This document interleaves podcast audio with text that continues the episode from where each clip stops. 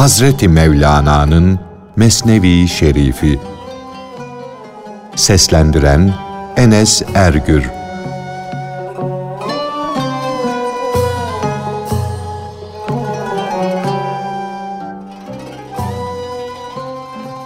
Sevilenin aşığı onun bilmediği, ümit etmediği, hatırına getirmediği bir surette kendisine çekişi, bu çekişten aşıkta boyuna sürüp giden bir istekle, ümitsizlikle beraber korkudan başka bir belirti belirmemesi.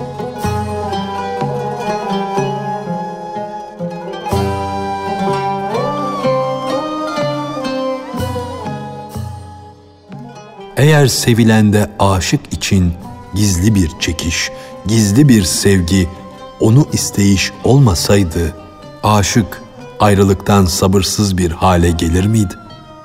Tekrar ona kavuşmak için yollara düşer miydi? Sevilenlerin aşıklarına gönül vermeleri gizlidir, görünmez. Fakat aşığın gönül verişi yüzlerce davul ve zurna iledir. Dostu görmek, aşık için ab hayatı içmek gibidir. Görülmesi ölümü gidermeyen dost, sevgili değildir dost değildir. Onun ne meyvesi ne de yaprağı vardır. Ey sevgiliyi görmek için can atan mest. İş o işe derler ki sen o işteyken ölüm bile gelip çatsa sana hoş gelir. Ey genç, gerçek imanın belirtisi şudur.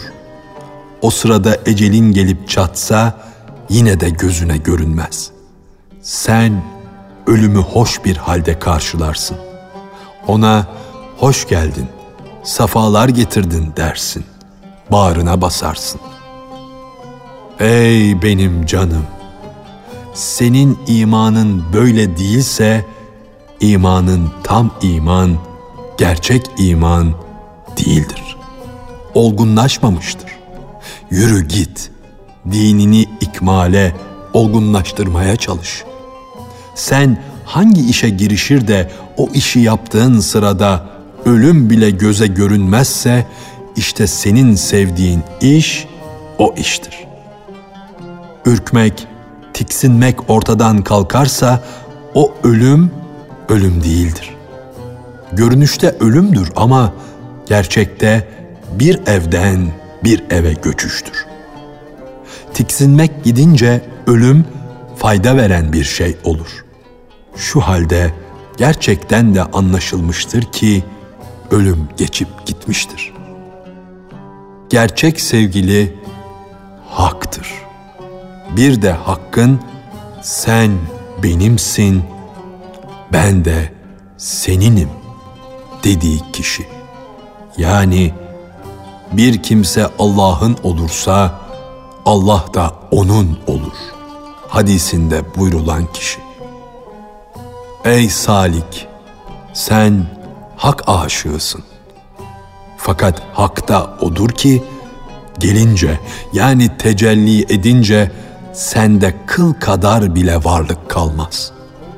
O bakışa, o tecelliye karşı senin gibi yüzlercesi yok olup gitti. Hocam, meğer sen kendini yok etmeye aşıkmışsın. Sen bir gölge varlıksın. Fakat güneşe aşıksın. Güneş gelince gölge yok olur, gider.''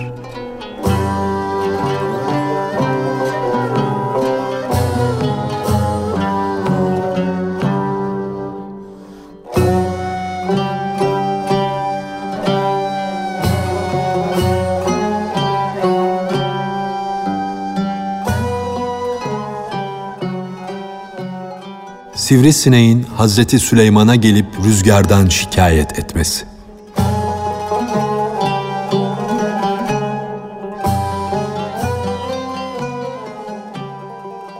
Bir sivrisinek bahçeden, çayırlıktan, çimenlikten uçup geldi. Süleyman peygamberden adalet istedi. Ey Süleyman dedi. Alemi adaletle idare etmedesin. şeytanlara da, insanlara da, cinlere, perilere de adaletle emirler vermede, adaletle işleri yürütmedesin. Kuş da, balık da senin adaletine sığınmışlardır. Dünyada senin faziletinin, iyiliğinin ve kereminin arayıp bulmadığı bir kimse kalmış mıdır? Bize karşı da adalet göster. Bizim hakkımızı da koru. Çünkü biz çok zayıfız, perişanız, ağlayıp sızlamadayız. Bağlardan, bahçelerden, gülden, gülistandan nasibimiz yok. Her zayıfın zor işini sen çözer, düzene korsun. Zaten sivrisinek zayıflıkta örnek olmuş söylenir durur. Biz zavallılıkta, zayıflıkta kırık kanatlı olmakla tanınmışız. Sen ise lütufta, iyilikte, yoksullara yardımcı olmakla ün kazanmışsın. Sen gücün, kuvvetin en sonuna varmışsın. Biz de zayıflığın, zavallılığın sonuna varmışız. İnsaf et, merhamet et, bizi bu gamdan kurtar. Ey eli hakkın eli gibi olan Süleyman, adaletini göster. Bizim elimizden tut. Hazreti Süleyman dedi ki, Ey insaf isteyen, adalet arayan, kimden şikayet ediyorsun? Kime karşı hak arıyorsun? Söyle. Kendini büyük görerek sana zulmeden, yüzünü tırmalayan o zalim kimdir? Şaşılacak şey, zamanımızda bütün işler tam bir adaletle yürütüldüğü halde seni rahatsız eden o zalim nasıl olmuş da hapse atılmamış, zincire vurulmamış? Çünkü zulüm bizim doğduğumuz gün ölmüştür. Zamanımızda zulmeden, zulmü ileri götüren kimdir? Nur meydana çıkınca karanlık yok olur gider. Zulmün temeli de, aslı da, arkası, dayandığı yer de karanlıktır. İşte bak, Allah'ın emriyle Beyt-i Makdis yapılırken ustalar arasına karışan şeytanlar bizim için çalışmada, kazanmada, bize hizmet etmedeler. Hizmetten kaçınanları ise zincirlere bağlanmış, bukalara vurulmuştur. Zalimler şeytanların teşviği ile, kışkırtması ile zulmederler. Onların zulümlerinin temelinde şeytan vardır. Şeytanlar ise bağlı. Onlar bu durumda nasıl olur da zulümde, kötülükte bulunabilirler?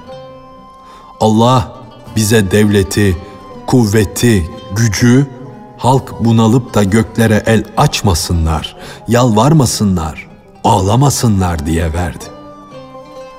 Zulüm görenlerin, ağlayanların ahının göklere yükselmemesi, gökyüzünün, süha yıldızının muzdarip olmaması, yetimlerin iniltilerinden, feryatlarından arşın titrememesi ve hiç kimsenin zulüm hastası olmaması, gönlünün incinmemesi için Allah bize dünya padişahlığı verdi. Göklere bir tek Ya Rabbi sesi çıkmasın diye dünya ülkelerinde fazileti, vicdanı, adaleti esas tuttuk. Ey zulüm gören, canı yanan zavallı, gökyüzüne bakma. Bu zamanda senin yeryüzünde, bu fani dünyada semavi bir hükümdarın vardır.'' Sivrisinek dedi ki, benim şikayetim ve adalet isteyişim rüzgardandır. O iki elini de zulmetmek için bize karşı açtı. Onun zulmünden dardayız, perişan bir haldeyiz. Ağzımız kapalı, yüreğimiz kan ağlıyor. Süleyman dedi ki, Ey güzel sesli varlık! Allah'ın emrini candan, gönülden dinlemek gerek. Allah bana ey adalet sahibi hasmın yani şikayet edenin sözünü öteki hasım yani şikayet edilen olmadıkça dinleme diye emretmiştir. İki hasım yani davacı ile davalı hakimin huzuruna gelmeyince hak ve hakikat ortaya çıkmaz. Davacı yalnız başına gelse, yüzlerce feryat etse, sakın ha, sakın onun düşmanını da dinlemeden sözünü kabul etme. Ben Allah'ın emrinden yüz çevirmem. Sen git, düşmanını da al benim karşıma getir. Sivrisinek, sözün doğru, delilin tam yerinde. Benim düşmanım olan rüzgar da senin hükmün, buyruğun altındadır. Hazreti Süleyman, ey seher rüzgarı diye seslendi. Sivrisinek senin zulmünden şikayetçidir. Hemen buraya gel. Hadi hasmının karşısına geç de söyle, ona cevap ver. Davasını reddet. Rüzgar Hazreti Süleyman'ın emrini duyunca hızlı hızlı eserek geldi. Sivrisinek de hemen kaçmaya davrandı. Süleyman, "Hey sivrisinek, nereye gidiyorsun?" dedi. "Dur da ikiniz hakkında buyruk yürüteyim, hüküm vereyim." Sivrisinek, "Ey padişahım," dedi. "Ölümüm zaten onun yüzünden, bugünümün böyle karanlık olması onun dumanındandır. O gelince ben nasıl durabilirim? O benim kökümü kazır, beni yok eder gider. İşte Hakk'ın dergahını arayan ve ona yakın olmak isteyen de böyledir. Allah tecelli eyleyince arayan yok olur. O vuslat, o kavuşma, ölümsüzlük içinde ölümsüzlük, varlık içinde varlıktır. Fakat önceden o varlık yokluk içinde tecelli eder. Nur arayan gölgeler nur zuhur edince yok olurlar. Aşık başını verince akıl kalır mı? Her şey helak olur gider. Ancak onun hakikati, zatı kalır. Hakkın zatı huzurunda var da yok olur, yok da yoklukta varlık. Zaten şaşılacak şey de bu ya. Huzurda akıllar elden gider, kalem de bu bahse gelince kırılır kalır.''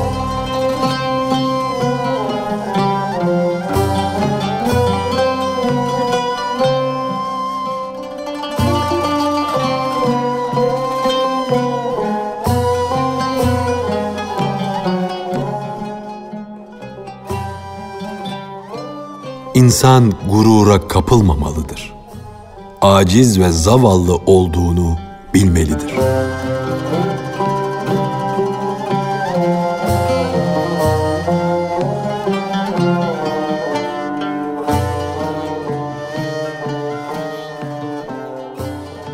Akılsız bir tavuk bir deveyi misafir etmek için kümese götürdü.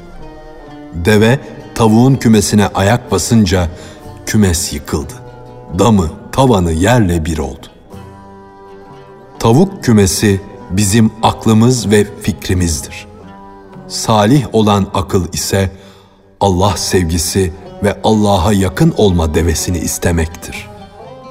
Deve başını o tavuk kümesinin çamuruna, suyuna sokunca orada ne toprak kalır, ne can kalır, ne de gönül kalır. Yani tavuk gibi zayıf olan insan Allah'ın aşk ve tecellisini davet edince tavuğun ne kümesi ne kendisi yani ne bedeni ne de ruhu dayanabilir. Aşkın üstünlüğü faziletli insanı daha da üstünlüklere çıkarır. Bu üstünlüğe düşkünlüğü, gurura kapılışı yüzünden de insan pek zalim olur. Pek bilgisiz kesilir. İnsan cahildir. Hele bu zor avlamada büsbütün bilgisizdir. Çünkü bu öyle bir avlamadır ki o zayıf insanın ilahi emaneti yüklenmesi bir tavşanın bir arslanı kucaklaması gibidir. O tavşan eğer arslanı görmüş ve bilmiş olsaydı onu nasıl kucaklardı? İnsan bedenine karşı da ruhuna karşı da zalimdir.'' Fakat bedenine zulmetmekle adaletleri geçmiştir. Hakka götürmeyen bilgiler de yani insanın bilgisiz oluşu ona ustalık etmiş de onu irfana götürmüştür. İnsanın nefsine zulmetmesi de onu sapıklıktan kurtarmış, adaletlere, insanlığa doğru götürmüştür.